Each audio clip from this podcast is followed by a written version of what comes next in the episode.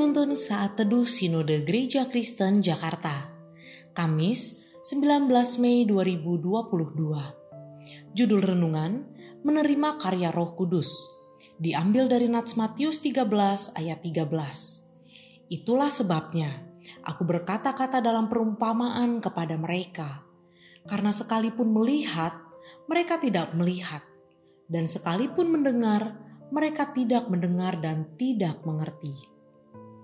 Yesus senang mengajar dengan memakai perumpamaan. Padahal, tidak semua orang mampu memahami bahasa perumpamaan. Apakah Yesus tidak mempertimbangkan kemungkinan lebih banyak orang mau menjadi muridnya ketika ia mengajar dengan bahasa lugas? Hal ini mungkin terbesit dalam benak para murid, sehingga mereka mempertanyakannya. Yesus menjawab pertanyaan para murid dengan mengatakan bahwa perumpamaan menegaskan sifat rahasia kerajaan surga. Hanya orang tertentu yang dapat memahaminya, yakni mereka yang membuka hati untuk dibentuk menurut kehendak Allah. Allah berinisiatif, manusia menanggapinya dengan iman. Inisiatif Allah mutlak diperlukan untuk menyatakan rahasia kerajaan Allah dan membimbing manusia agar merespons pewartaan kerajaan Allah dengan iman.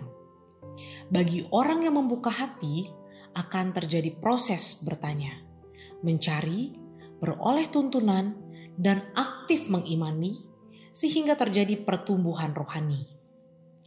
Sebaliknya, perumpamaan akan membuat orang bebal semakin mengalami kebutaan rohani berkelanjutan dan kerajaan surga semakin tertutup baginya.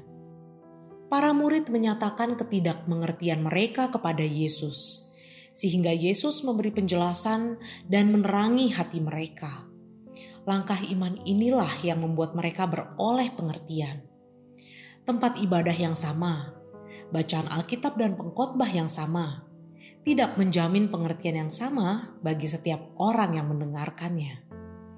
Kebenaran firman Tuhan adalah anugerah yang akan dinyatakan bagi setiap orang yang mau membuka hati untuk menerimanya. Bagaimana dengan kita? Rahasia kerajaan Allah terbuka bagi pribadi yang mau membuka hati dan menerima karya Roh Kudus.